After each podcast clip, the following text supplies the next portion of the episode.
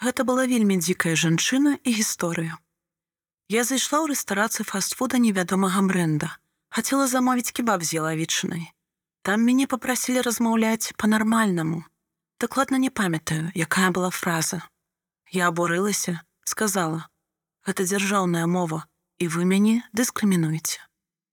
Прадавец мне адказаў, што ён не павінен размаўляць на мёртвай мове. Я напісала скаргу ў кнігу за ўваг і прапаноў. Ішла дадому і думала, гэта гісторыя настолькі абуральная, што яе трэба зафіксаваць не проста ў кнізе прапаноў, а каб чалавек дакладна такога больш не гаварыў. Я была настолькі моцна абураная, што дайшла да міліцыі і вырашыла напісаць заяву. Зайшла ў пастарунак, і там была свая гісторыя.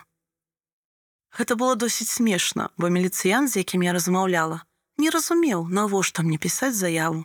Казаў, што ў нас дзве дзяржаўныя мовы, калі чалавек не ведае адну дзяржаўную мову, то што мне перашкаджала перайсці на іншую. Мяне тады ўжо папусціла, і я з ім размаўляла, праводзіла нейкую асветніцкую размову, прывозіла прыклады.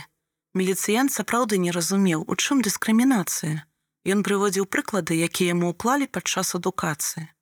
Для яго дыскрымінацыя, калі чалавека з іншым колерам скуры адмаўляюць у нейкім сервісе. Ну а вам, што вам замінае перайсці на рускую? Ён шчыра не разумеў гэта.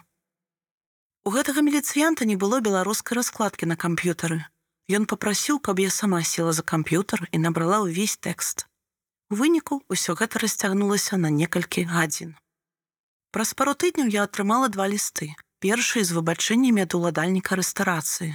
Ён вельмі выбачаўся, пісаў, што правёў размову з тым хлопцам, што больш такога не будзе. Калі ласка, прыходзьце да нас, мы вітаем беларускую мову.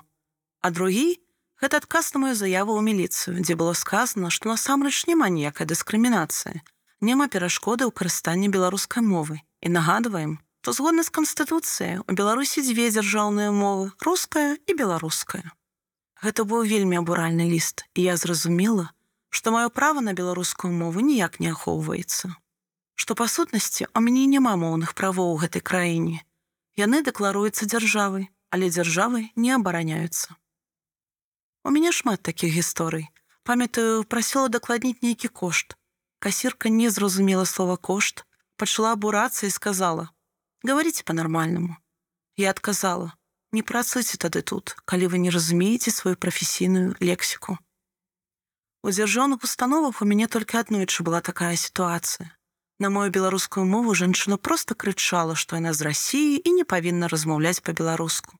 Гэта была вельмі дзікая жанчына і гісторыя. Наталя, 31 год, менеджерка культурніцкіх праектаў. Перашкода.